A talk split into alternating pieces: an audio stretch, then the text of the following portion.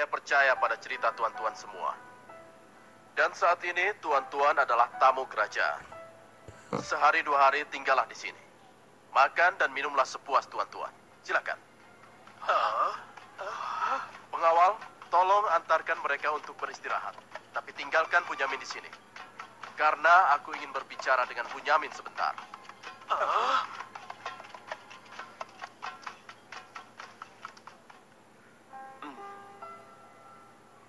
Kenapa kau melamun? Eh, sebenarnya, sebenarnya begini Tuan. Kalau saja saudaraku Yusuf masih hidup, tentulah aku tidak akan kesepian seperti sekarang ini.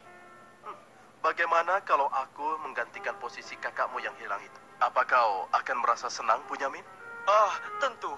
Aku akan senang sekali. Tapi bagaimanapun juga, Tuan tidak dilahirkan dari rahim ibuku. Dan juga bukan putra Yakub, ayah kami semua. Bagaimana bisa menggantikannya?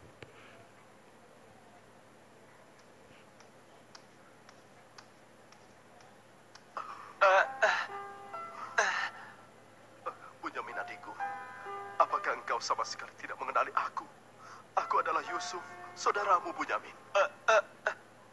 Apa itu benar? Bagaimana itu mungkin? Pandanglah wajahku baik-baik. Tidakkah ada suatu tanda yang mengingatkan engkau bahwa aku adalah saudaramu?